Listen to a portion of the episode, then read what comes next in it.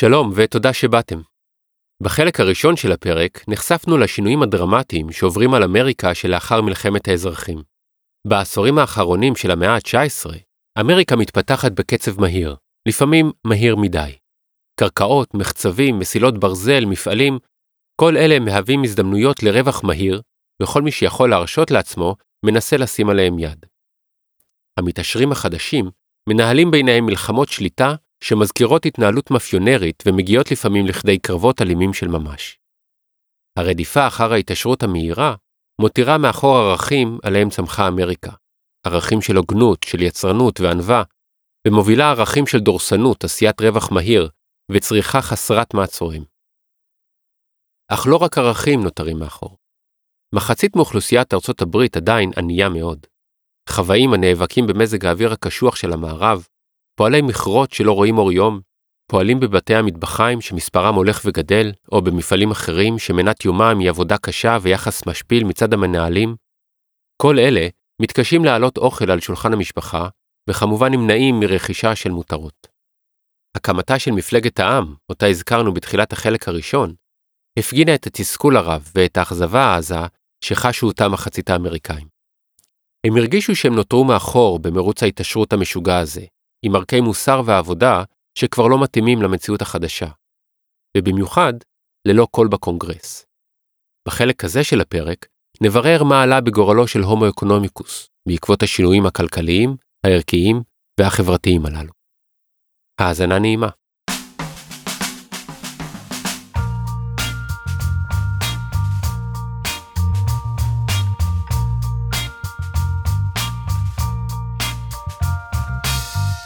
תולדות המין הכלכלי פרק שלישי שינויים בהרגלי הצריכה חלק ב'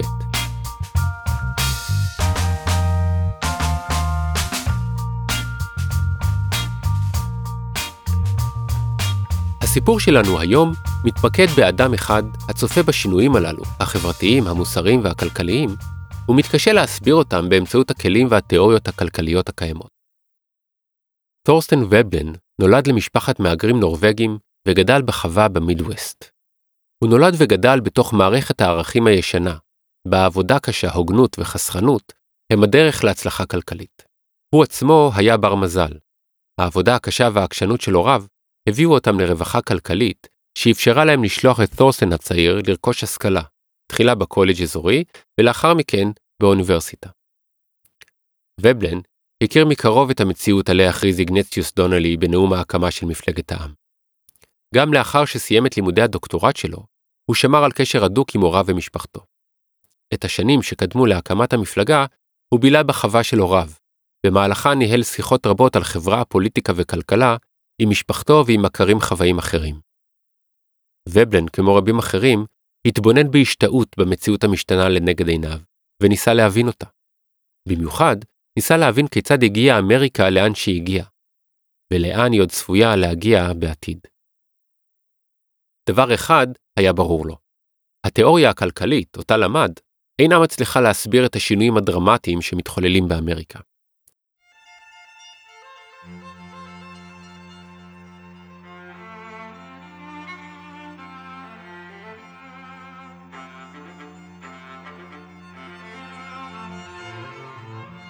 דמותו של הומו אקונומיקוס שציירו ג'וונס ומי לפניו, פשוט לא מתאימה למציאות בה הוא חי. הומו אקונומיקוס של מיל הוא טיפוס יצרני.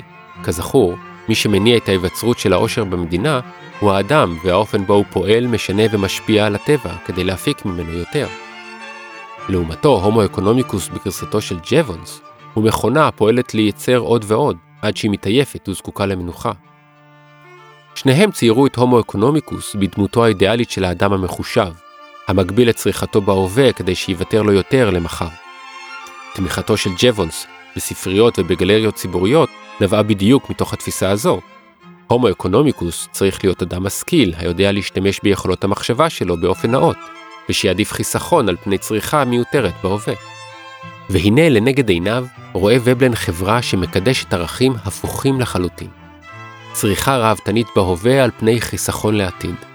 לקיחת אשראי וסיכונים פיננסיים כדי לממן חופשות נהנתניות או רכישת בגדים אופנתיים שיאבדו את זוהרם בעוד חודש או בעוד שנה. ולא רק זאת, רבים מהמתעשרים הגדולים מתעשרים מבלי לייצר דבר. נכון שגם מפעלים רבים מוקמים בתקופה הזו, ואמריקה מתאפיינת בחדשנות בתחומי המזון ומוצרי הצריכה. מישהו אמר קוקה קולה? אבל רבים מתעשרים לא מייצור, אלא ממימוש הזדמנויות פיננסיות, מבלי שהם תורמים לתפוקה הכללית. הם מעבירים קרקעות מיד ליד, תוך שהם גוזרים קופון בכל העברה, או שהם קונים מפעלים קיימים כדי להקטין את התחרות ולהעלות מחירים. בכל זאת, בעזרתם הנדיבה של חברי קונגרס תאבי בצע לא פחות. מאפייני דמותו של הומו אקונומיקוס, בהם הלביש אותו ג'וונס, פשוט לא מצליחים לתאר באופן הולם את האדם הכלכלי האמריקאי החדש. הומו אקונומיקוס בגרסתו הבריטית לא שורד את מבחן הזמן. אבל ובלן מזהה בעיה נוספת שמקשה על הומו אקונומיקוס להיות כלי מתודולוגי יעיל להבנת החברה.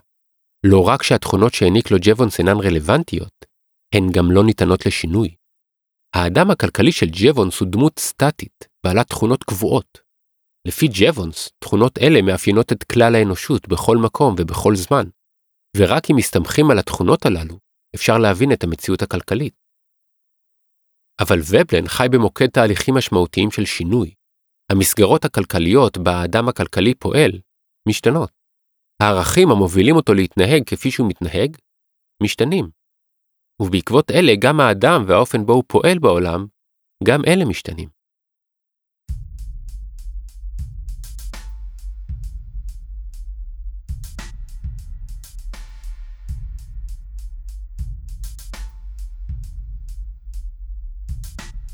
ובלן מתחיל לפקפק ביעילות של הומו אקונומיקוס ככלי מדעי.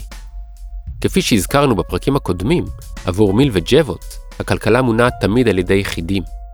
בני אדם, כל אחד בנפרד, שואפים להגדיל את העושר או התועלת שלהם, וכתוצאה מכך מביאים לגידול העושר של כולם. לכן היחיד, הוא הומו אקונומיקוס, מהווה את נקודת המוצא של המחקר. קראנו לתכונה המתודולוגית הזו אינדיבידואליזם מתודולוגי, משמע המחקר מתחיל מהפרט מתוך ניסיון להבין את הכלל. עבור ובלן, גישה זו שגויה. אין אדם יחיד מבודד המספק את כל צרכיו בעצמו. כך הוא כותב ב-1898 ומוסיף במאמר מאוחר יותר, תיאוריה כלכלית נאותה, גם אם נועדה לניתוח מצבים סטטיים, אינה יכולה להיות מבוססת על תפיסת היחיד בלבד, כמו במקרה של כלכלת התועלת השולית, משום שלא ניתן לבסס אותה במושגי התכונות הבסיסיות של הטבע האנושי. גם אם אנחנו מסכימים שהאדם הוא זה שיוצר את העושר, ושמידת העושר של החברה אינה תלויה אך ורק במשאבי הטבע הזמינים לה, אלא במה שהאדם בוחר לעשות איתם, גם אז, אין הצדקה לבחון את הפעילות הכלכלית מתוך התבוננות ביחיד. תכונות של אדם בודד אינן יכולות להסביר לבדן את העושר של החברה האנושית. ובלן מציג לטענה זו שני נימוקים. הראשון מתייחס למאפיין היצרני של האדם. ייצור, ובמיוחד ייצור תעשייתי, לעולם אינו יכול להתקיים מחוץ להקשר חברתי-קהילתי. הייצור מתרחש רק בחברה, רק באמצעות שיתוף פעולה של קהילה תעשייתית. הקהילה התעשייתית מורכבת תמיד מקבוצה, גדולה מספיק כדי להכיל ולהעביר הלאה את המסורות, הכלים, הידע הטכני והשימושים שבלעדיהם לא יתאפשרו ארגון תעשייתי או קשרים כלכליים של הפרטים זה לזה או לסביבתם. הפרט המבודד הוא לא גורם יצרני. במקרה הטוב הוא יכול לחיות מעונה לעונה כמו חיות שאינן חיות בעדר. לא ייתכן יצור ללא ידע טכני, ולכן לא תיתכן בעלות או צבירה של הון של יחידים. ולא ייתכן ידע טכני מחוץ לקהילה תעשייתית. כדי להיות יצרני, אדם צריך לחיות בחברה. הוא זקוק לידע, לכלים, למישהו שישתמש במה שהוא מייצר. כל אלה מתאפשרים אך ורק מתוך שיתוף של רעיונות ופרקטיקות בחברה. ההתבוננות ביחיד מפספסת את ההקשר החברתי של היצור, ולכן חסרת משמעות עבור הכלכלן. הנימוק השני שמציג ובלן דווקא מתייחס אל הומו אקונומיקוס כאל אינדיבידואל, ואל המניעים שלו לפעול ולייצר. אך גם את אלה, הוא טוען, לא ניתן לנתק מהסביבה החברתית בה הוא חי. מניעים לצבירת עושר או להגדלת התועלת שאינם תלויים או מושפעים על ידי הסביבה, לא תואמים למציאות החברתית בה חי האמריקאי החדש. השיגעון הצרכני שפוקד את אמריקה אינו נובע משאיפה לצבור עושר לשם עושר, או מהרצון להגדיל תועלת אישית או חברתית, ואפילו לא מהכמיהה להעצים את העונג באמצעות מוצרי צריכה חדשים. לא. הצריכה ההמונית נובעת ממניע אחר, מניע שאינו עולה בקנה אחד עם התיאור של הומו אקונומיקוס כמכונת תענוגות. המושג של האדם הנהנתן דומה למחשבון מהיר של תענוגות וכאבים שמונע, כמו חלקיק של תשוקה לאושר, על ידי הגירויים הדוחפים אותו, אך משאירים אותו שלם. הוא נתון אנושי יחידי ומבודד, המצוי בשיווי משקל יציב, למעט המהלומות של הכוחות הפוגעים בו ומובילים אותו לכיוון זה או אחר. אינדיבידואליזם מתודולוגי של מכונות תענוגות מייצר תיאור מכני של גופים הנמשכים למה שמסב להם עונג, ונרתעים ממה שגורם להם סבל. כאשר לא פועל עליהם כוח העונג או כוח הסבל, הם מוצאים את עצמם במצב מנוחה, משום שאינם נמשכים על ידי כוח חיצוני כזה או אחר. תיאור מכני ופסיבי כזה של החברה האנושית, טוען ובלן, לא יכול להיות רחוק יותר מהמציאות. זו תכונה אנושית לעשות משהו, ולא רק לחוות תענוג וכאב מתוך השפעתם של כוחות חיצוניים. האדם אינו צרור של רצונות שיש לערבות על ידי כך שמציבים אותם בדרכם של הכוחות שבסביבה, אלא מבנה קוהרנטי של נטיות והרגלים, השואף למימוש ולביטוי באמצעות פעילות מתמשכת. האדם אינו חלקיק פסיבי הנע על פי הכוחות המניעים אותו. הוא כוח אקטיבי, הוא פועל. הוא מניע ומבטא את התכונות שלו בעצם הפעולה שלו בעולם. הצריכה הראוותנית שמפגין האדם המודרני אינה נהייה אוטומטית אחר עושר, או מימוש תענוגות הדוניסטית בנומה לפרפר שנמשך אל האור. היא מונעת מהצורך הטבעי שיש לאדם לבטא משהו מתכונותיו. הצריכה אינה תנועה מכנית או אוטומטית, אלא המימוש אקטיבי של נטיות מולדות. והנטייה המולדת שבאה לידי ביטוי באופן המובהק ביותר באמריקה, היא השאיפה של האדם להיות חלק מחברה, מקהילה, מקבוצה חברתית. ובלן מתבונן על החברה האמריקאית ורואה עדר של אנשים המונעים מהרצון להשתייך למועדון חברתי, מעמד הביניים הגבוה, או כפי שהוא כינה אותו, מעמד הפנאי. כדי להיות שייך לקהילה החברתית הזו, עליך להיות בעלים של בגדים אופנתיים או ריהוט יוקרתי, ועליך לצאת לחופשות שנתיות במועדוני נופש בחוף הים.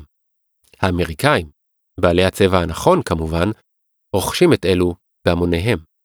האדם הוא חיה חברתית. התגובות שלו המכוננות את ההתנהלות האנושית מתרחשות במסגרת נורמות מוסדיות ורק כתוצאה מגירויים התלויים במוסדות. שכן המצב המעורר והמעכב פעולה בכל מקרה נתון הוא בעצמו במידה רבה נובע מהתרבות המוסדית. האדם הוא יצור חברתי. הוא מייצר ומתפתח במסגרת חברתית. הוא מונע מתוך השאיפה להיות חלק מקבוצה, שהיא עצמה מושפעת מההתנהלות של החברים בה. אינדיבידואליזם מתודולוגי הוא שגוי מפני שלא ניתן לנתק את הומו אקונומיקוס מהסביבה החברתית בה הוא חי ופועל. התייחסות לתכונות המניעות אותו ליצור ולשנות, כאילו הן יכולות להתקיים מחוץ להקשר החברתי בו הוא חי, מפספסת את המהות שלו כיצור חברתי המושפע מנורמות, מהרגלים ומציפיות. אינדיבידואליזם מתודולוגי אינו יכול לתאר או להסביר את המציאות. כמו חיות אחרות, האדם הוא גורם הפועל בתגובה לגירויים המאפיינים את הסביבה בה הוא חי. כמו מינים אחרים, הוא יצור המאופיין על ידי הרגלים ונטיות. הטענה של ובלן היא פשוטה. בני האדם הם חיות. יש לחקור אותם כמו חיות, ואין הצדקה לנסות ולהבין אותם באופן שונה.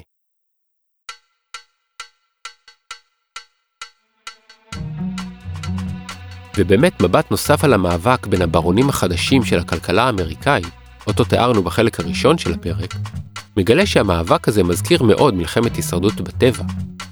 מי שמצליח להתאים את עצמו לחוקי המשחק החדשים, כוחניות, רמאיות, תככנות, מצליח לשרוד ואף לשגשג. מי שלא, מוצא מן המשחק.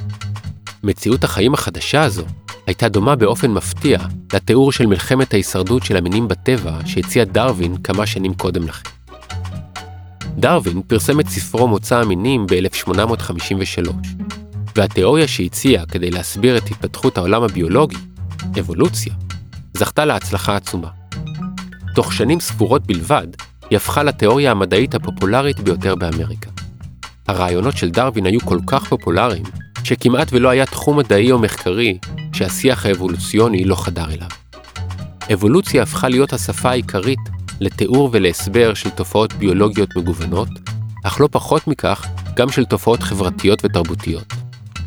השיח האינטלקטואלי של סוף המאה ה-19 באמריקה היה, באופן גורף כמעט, שיח אבולוציוני.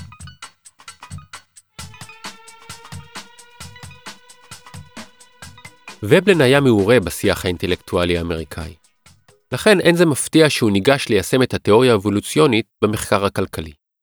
מדעי החברה הם אמנם לא מדע מדויק כמו מדעי הטבע, אבל כל עוד הם נועדו להסביר את עולם התופעות החברתיות, הם צריכים לעשות זאת באמצעות אותם העקרונות ולהיות עקביים עם תיאוריית האבולוציה. הדבר החשוב ביותר להבין, טען ובלן, הוא כי יש קשר הדוק בין התכונות שהאדם נולד עמן והסביבה אליה הוא נולד. הסביבה מעצבת את האדם, והאדם מעצב את הסביבה. זהו תהליך הדדי ארוך ומתמשך, שמשפיע גם על ההתפתחות של האדם הבודד, אך לא פחות מכך, על אופייה והתפתחותה של החברה, ובמיוחד על צמיחתם של מוסדות חברתיים.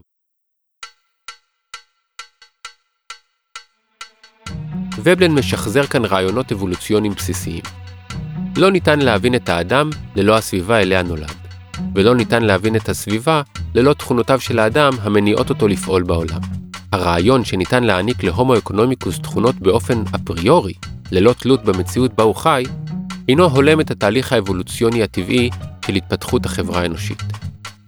גם אם להומו אקונומיקוס יש תכונות או העדפות מסוימות, הן לא נקבעו באופן אקראי, והכלכלה, כמדע שמנסה להסביר את תופעת העושר בחברה, צריכה לתת את הדעת לתהליך שהוביל להתפתחות העדפות הללו, ולסיבות שהעדפות כאלה, ולא אחרות, התפתחו. לכן, הדבר החשוב הראשון שיש לעשות הוא לשנות את דמותו של הומו אקונומיקוס בעל התכונות הקבועות מראש. דמות אנושית כזו, במיוחד אם היא מהווה מושא למחקר חברתי, אינה רלוונטית ואינה יכולה להסביר דבר. יש להציג דמות חדשה, שמביאה לידי ביטוי את השינויים האבולוציוניים שעברו על האדם לאורך הדורות. ובלן לא מבטל את ההנחה שלבני האדם יש תכונות או נטיות מולדות. כל בני האדם השייכים למין האנושי מאופיינים בנטיות טבעיות שהן תוצאה של התפתחות אבולוציונית. בני אדם אומנם שונים זה מזה, גם במאפיינים אישיים וגם במאפיינים תרבותיים, אבל לכולם נטיות דומות שהתפתחו לאורך מאות אלפי שנים. את התכונות הללו הוא מכנה אינסטינקטים. אינסטינקט הוא תכונה פנימית ויציבה המניעה את האדם להרגיש ובעקבות זאת לפעול. אלפי שנות אבולוציה הביאו את האדם לשמר אינסטינקטים מסוימים שסייעו לו במלחמת ההישרדות שלו בטבע. האינסטינקטים האנושיים, בדומה לאלו של חיות אחרות, מניעים את האדם לפעול באופנים שנמצאו יעילים לשימור המין האנושי במלחמת ההישרדות שלו. במקרה של האדם, מדגיש ובלן שני אינסטינקטים עיקריים המובילים את הפעילות האנושית. הראשון הוא האינסטינקט לעבודה. האדם מונע מדחף לעשות, לשנות, להפיק ולהשתפר. האינסטינקט השני הוא אינסטינקט הסקרנות, שמניע אותו לנסות ולהבין את הסביבה. האינסטינקט הראשון תורם לייצור כלים, לפיתוח שיטות בנייה או ציד וכדומה. האינסטינקט השני פועל לפיתוח אופנים שונים של חשיבה ויצירתיות, ותורם לצמיחתם של מדעים, תרבות ואמונות.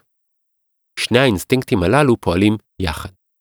מחשבה וביקורת משפרות את הפעולה היצרנית, ותוצרים חדשים מאפשרים דרכים שונות לחשוב או לבטא את המחשבה.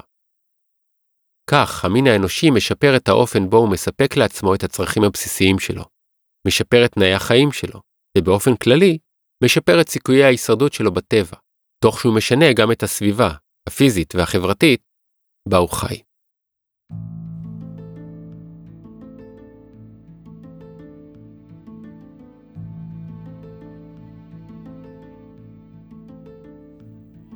לאורך השנים, האינסטינקטים המולדים הללו מובילים לפעולות שהופכות להיות מקובלות ורווחות יותר ויותר, ומולידות הרגלים ומוסכמות. הרגלים הם התוצאה החברתית של אינסטינקטים ראשוניים המניעים את האדם היחיד לפעולה. ההרגלים מתפתחים בחברה בה יחידים המונעים מאינסטינקטים מולדים משתפים רעיונות ופעולות, שמולידים אופני התנהלות מסוימים. כך מתפתחים הרגלים לייצור כלי עבודה או לבישול מזון, שיטות עבודה לבנייה או לציד, אך גם הרגלים של מחשבה, כמו תיאוריות מדעיות ופוליטיות, סגנונות ציור או נגינה, וגם דתות. במילים אחרות, האינסטינקטים מולידים הרגלים שמובילים לאחד המאפיינים החשובים ביותר של החברה האנושית. מוסדות חברתיים. צמיחה ושינוי של המרקם המוסדי הם תוצאה של ההתנהלות של היחידים בקבוצה, שכן החוויות של הפרטים באמצעות תהליך ההסתגלות מובילות להקמתם של מוסדות. עכשיו אנחנו מגיעים לחלק המעניין. כי למוסדות חברתיים, לאופן בו בני האדם מתרגלים לחשוב על החיים שלהם, יש כוח משלהם. וכאשר מוסד חברתי מתבסס והופך למקובל, למשל מוסד הנישואין, זכות הקניין, ירושה, שימוש בכסף או אמונה דתית, הוא משפיע על האופן בו האדם ממשיך וחושב על המציאות שלו, ועל האופן בו הוא מבין את הסביבה בה הוא חי. באותו האופן פועלים המוסדות, מכוונים ומגדירים את התכלית של ההתנהלות האנושית. מערכת המוסדות כופה את הסטנדרטים, הרעיונות, האידיאלים או מערכות החוקים הללו על היחידים, ואלו מבנים את תבנית החיים של הקהילה. אפשר להסתכל על זה בצורה כזו. האינסטינקטים מניעים את האדם לפעולה ולשינוי.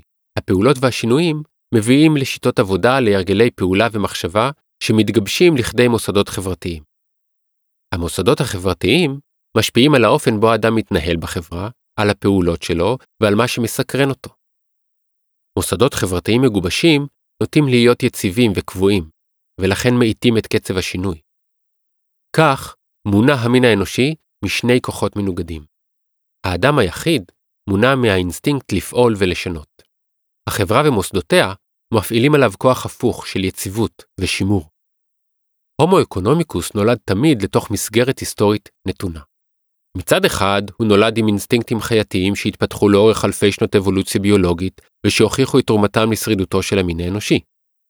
מצד שני, הוא נולד לתוך סביבה חברתית עם מוסדות חברתיים קיימים, שגם הם התפתחו לאורך שנים משום שהוכיחו את התרומה שלהם לארגון החברתי. במובן הזה, האדם הכלכלי תמיד נולד לתוך ההיסטוריה. הוא לעולם לא נולד באופן המנותק מאלפי שנות התפתחות, או ממסגרת חברתית נתונה. אבל בכך לא נגמר התהליך האבולוציוני, משום שכעת, האדם הכלכלי שנולד לתוך המסגרת הנתונה הזו, מתחיל לפעול בתוכה, והפעולות שלו אמנם מושפעות מהמוסדות החברתיים בהם הוא פועל, אך האינסטינקט הסקרני שלו מוביל אותו ללמוד, לבקר, ואם צריך, גם לשנות אותם. לכן, מדע שמבקש להבין את הפעילות הכלכלית של האדם, אינו יכול להתעלם מהמוסדות החברתיים במסגרתם האדם פועל. הוא לא יכול להתעלם מההשפעה שלהם על הפעולות שלו, וגם מהיכולת שלו לשנות אותם. הכלכלה של מיל וג'בונס לא רק שאינה מתייחסת להשפעות החברה על האדם, היא אינה מותירה מקום לשינוי ולהתפתחות, אישית או חברתית. כלכלה צריכה להיות מדע אבולוציוני ולהביא לידי ביטוי את ההשפעה של הסביבה התרבותית והחברתית על השאיפות ועל הרצונות של האדם, ומצד שני, להביא לידי ביטוי את השפעתם של השאיפות והרצונות הללו על החברה ועל המוסדות המקובלים בה. מובן שחקירה כלכלית העוסקת באופן בלעדי בתנועותיו של טבע אנושי יסודי ועקבי תחת תנאים מוסדיים נתונים וקבועים, כמו במקרה של הכלכלה הנהנתנית הנוכחית, יכולה להגיע לתוצאות סטטיות בלבד. לא רק שהתנהגותו של הפרט מתוחמת ומוכוונת על ידי ההרגלים שלו ביחס לחבריו לקהילה, אלא שמאחר ויחסים אלה הם בעלי אופי מוסדי, הם משתנים יחד עם שינויים במסגרת המוסדית. הרצונות והתשוקות, המטרה והתכלית, השיטות והאמצעים, המידה וחוסר היציבות שבהתנהלותו של הפרט הם פועל יוצא של המשתנה המוסדי שהוא מורכב מאוד ולא קבוע. האדם מושפע מהתרבות לתוכה הוא נולד. מסורת, טכנולוגיה, מעמדות חברתיים, ידע, הרגלים וכדומה. אם נתייחס לתובנה הזו, נוכל להסביר את המציאות ואת הפעילות של האדם בה. אחד המוסדות החברתיים שהשפיעו מאוד על ההתפתחות של החברה האנושית הוא מוסד הקניין הפרטי.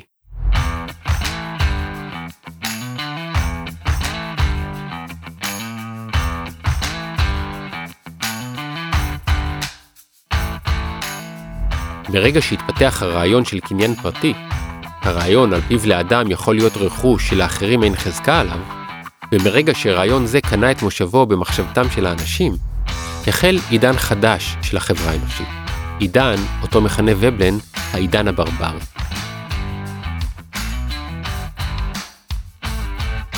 העידן הברברי מתאפיין בכך שבני האדם מונעים בו לא רק מתוך האינסטינקט היצרני שדוחף אותם לספק את צורכיהם הבסיסיים, או לשפר את האמצעים בהם הם מספקים לעצמם את הצרכים הללו, אלא מתוך רצון להיות בעלי קניין פרטי, מפני שיחד עם הקניין באים כבוד, יוקרה והערכה של הסובבים אותם.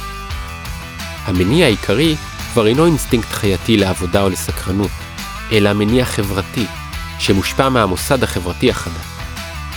המניע לצבור קניין פרטי הביא, עם השנים ועם ההתפתחויות הכלכליות, ללידתו של מעמד חברתי חדש, מעמד הפנאי, שטרוד ברכישה של קניין לשם רכישת הקניין, ומזניח את האינסטינקט לשיפור טכנולוגי, לייצור או לסקרנות. הכלכלה האמריקאית מקבילה בעיניו של ובלן לתקופה הפאודלית, בה בעלי קרקעות נהנו מעושר רב, כבוד והערכה וכוח פוליטי, למרות שלא ייצרו דבר בעצמם. בפעולת הייצור עסקו האיכרים חסרי הרכוש, ששילמו לבעלי הקרקעות על הזכות לאבד את אדמתם. תופעה דומה מתרחשת באמריקה, בה מיזוגים ורכישות, כמו השתלטות על קרקעות, מניבות רווחים עצומים לבעלי ההון, מבלי שהם תורמים דבר לייצור.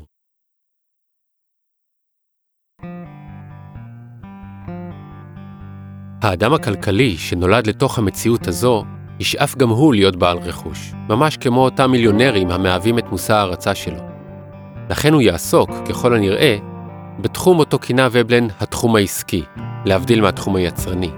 עבודות בתחום העסקי כללו משרות ניהול, עריכת דין, ראיית חשבון, תחומי עבודה הנחוצים כדי להפעיל את המנגנונים הגדולים של התאגידים ושל החברות הכלכליות, אך אינם תורמים באופן ישיר לייצור. השכר במקצועות האלה הוא גבוה יותר משכרם של הפועלים, ולכן ישפר את סיכוייהם של העוסקים בו להיות חלק ממעמד הפנאי. אך במקרים רבים גם הוא לא יספיק לאדם הכלכלי לרכוש את מוצרי הצריכה, שמהווים את כרטיס הכניסה למועדון החברתי הנחשק.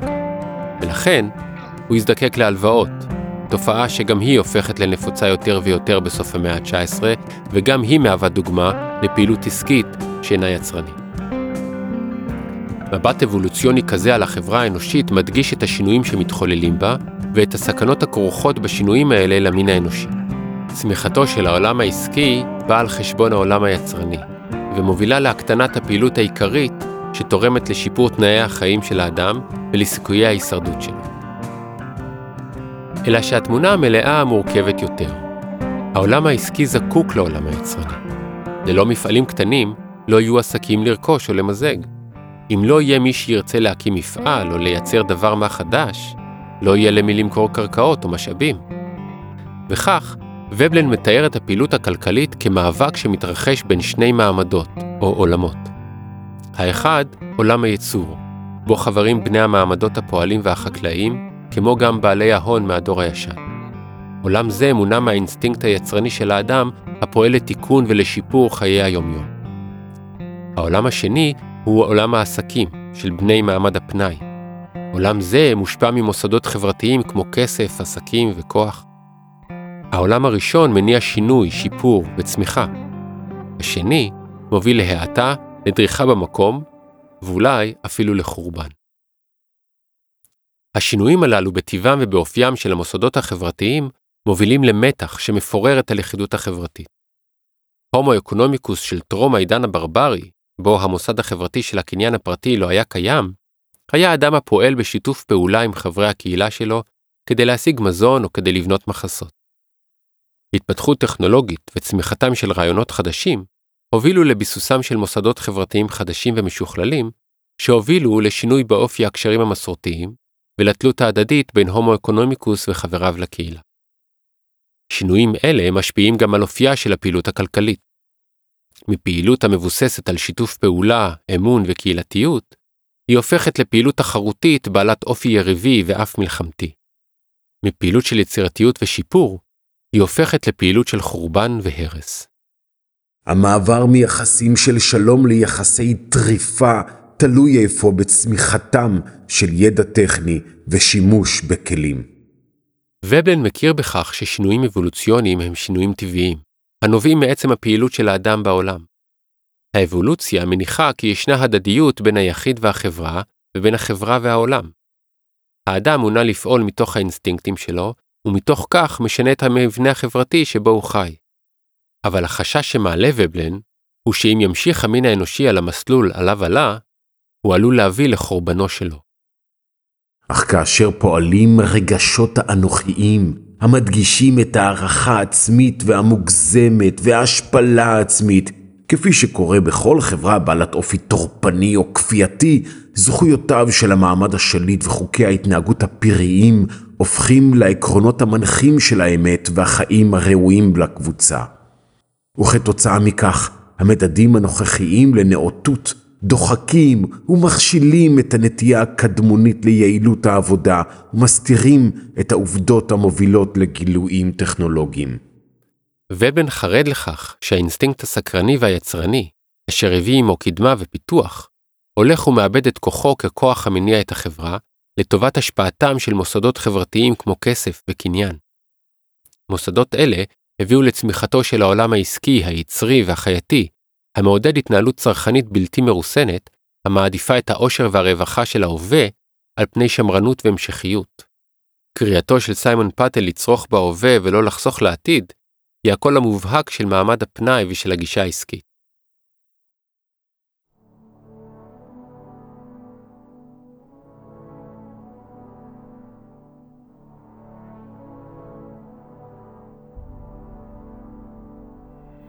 האם הומו אקונומיקוס יביא לדעיכתה של החברה?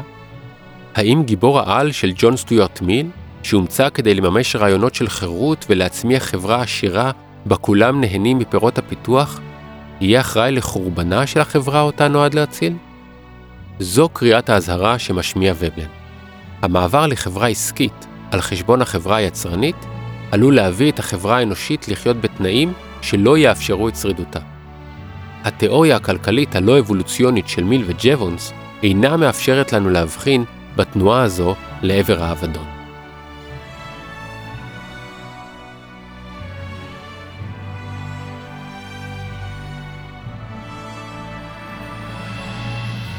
אלא שוובלן והתיאוריה האבולוציונית מציעים לנו גם מקור לתקווה. בנוסף לאינסטינקט העבודה ולאינסטינקט הסקרנות, ובלן מזהה אינסטינקט נוסף שפועל אצל האדם ומפעיל אותו. זהו האינסטינקט ההורי. הוא מניע את האדם לדאוג לשיפור הרווחה הכללית. לא רק לשיפור הרווחה שלו עצמו, לא רק זו של הצאצאים הישירים שלו, אלא זו של כלל החברה. האינסטינקט ההורי הוא האינסטינקט המכוון לעתיד. הוא מביא את האדם לפעול לשגשוגו הביולוגי של המין האנושי לא רק בהווה, בדומה לאינסטינקט היצרני על שיפוריו הטכנולוגיים, אלא גם בדורות הבאים. במובן הפשוט ביותר, התפקיד המהותי שלו הוא דאגה לא אנוכית לרווחת הדור הבא. הוא נוטה ליעילות קבוצתית גבוהה יותר ולחוויה משמעותית יותר של החיים המשותפים מתוך התכוונות לעתיד.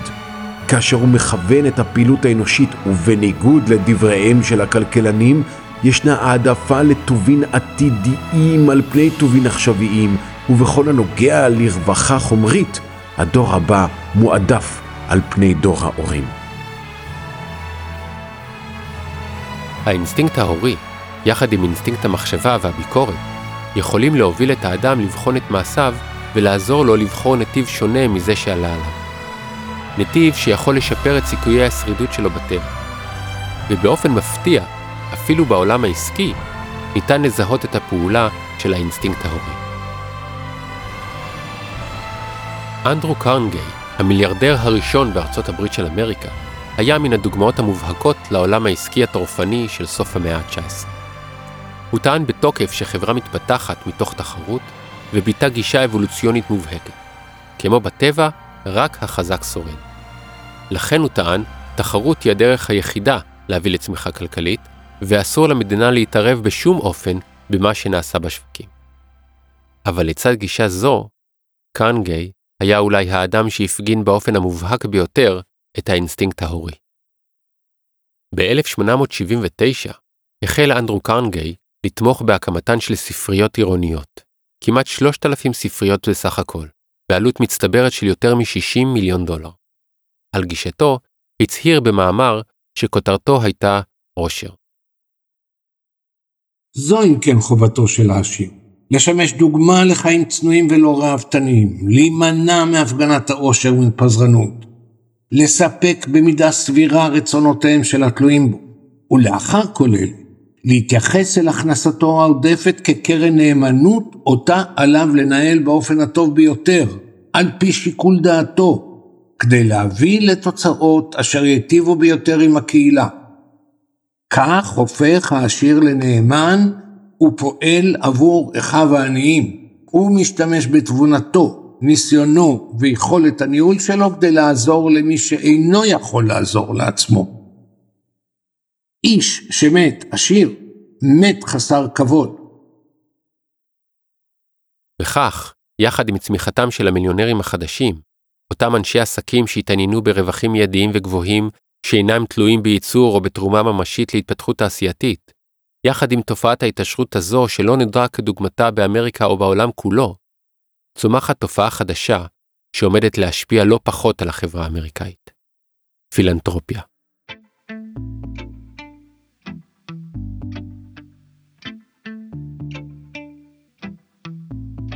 המיליונרים החדשים תרמו מכספם, חלקם בחייהם וחלקם לאחר מותם, למטרות שהיו בעיניהם חשובות לפיתוח וקידום המין האנושי. בניגוד לצדקה, תופעה דתית בעיקרה שרווחה בחברות שונות ושנועדה לעזור לעניים או לנזקקים אחרים, פילנטרופיה הייתה תופעה חילונית חדשה וייחודית. היא הייתה מנותקת מפעילות הכנסייה, ולא הייתה מכוונת ליחידים או לנזקקים. פילנטרופיה יישמה תובנות מעולם העסקים לשיפור רווחתו של המין האנושי בכללותו. מלבד ספריות ציבוריות, תמך קרנגיי גם בהקמתם של אולמות תרבות, פארקים, קרנות לעידוד הוראה ומכון לשלום עולמי. לצידו פעלו פילנטרופים אחרים, כמו דניאל גילמן, ג'ון די רוקפילר ואוליביה סייג', שתרמו גם הם להקמת ספריות ציבוריות, אוניברסיטאות, מכוני מחקר ומוסדות אחרים. כולם פעלו מתוך מחשבה על רווחתו של הציבור בכללותו, וביקשו לשפר את חייהם של כלל תושבי ארצות הברית, ולא רק את אלו של חסרי האמצעים, או של אלו שנותרו מאחור. פעמים רבות הרחיבו הפילנטרופים את הפעילות שלהם מחוץ לגבילות ארצות הברית, מתוך מחשבה על כלל אוכלוסיית העולם. גם במקרה הזה היוו המתעשרים החדשים השראה לציבור הרחב, ולצד תרומות הענק להקמת מוסדות ציבור, צמחה התופעה של תרומות יחידים צנועות למטרות חברתיות משותפות. עלייתו של שכר הפועלים, במיוחד של הפועלים המיומנים, וצמיחתו של מעמד הביניים החדש, מעמד הפנאי כפי שכינה אותו ובלן, אפשרה לרבים לתרום סכומי כסף, גם אם לא גדולים במיוחד, לקרנות פילנטרופיות. גם כאן, ייחודה של התופעה היה בכך שקרנות אלו לא היו קשורות לפעילות דתית או כנסייתית, ולא נועדו בהכרח לשיפור תנאי החיים של נזקקים. כמו בנהייה אחר צריכה ופנאי, גם כאן שאב הציבור השראה מהעשירים שהעריץ, ותרם חלק מההון שלו למטרות חברתיות שנועדו להיטיב עם כלל הציבור. הארגון הראשון שקיים קמפיין תרומות כזה היה הארגון למניעת דלקת ריאות, ואחריו באו ארגונים קהילתיים אחרים, קטנים או גדולים, שקראו לציבור לתרום את כספו למטרות חברתיות חשובות נוספות.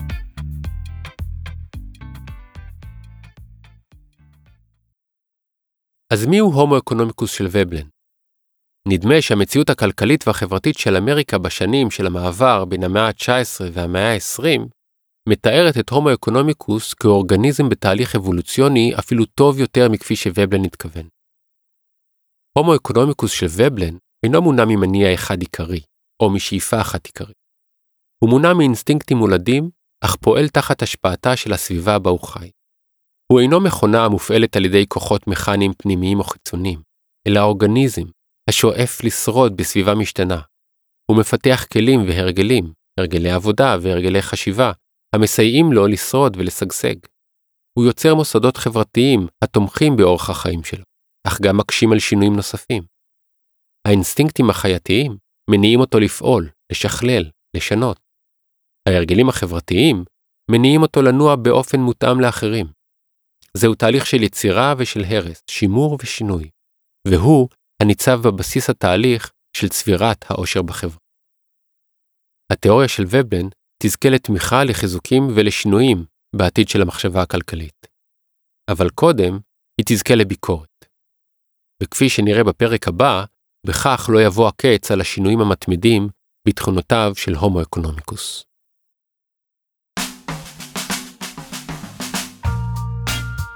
תודה לאמיר עירון, תודה מיוחדת לדוקטור מיקי פלד, תודה לפודינגטון בר על המוזיקה, ותודה לכן ולכם שהאזנתם והאזנתם.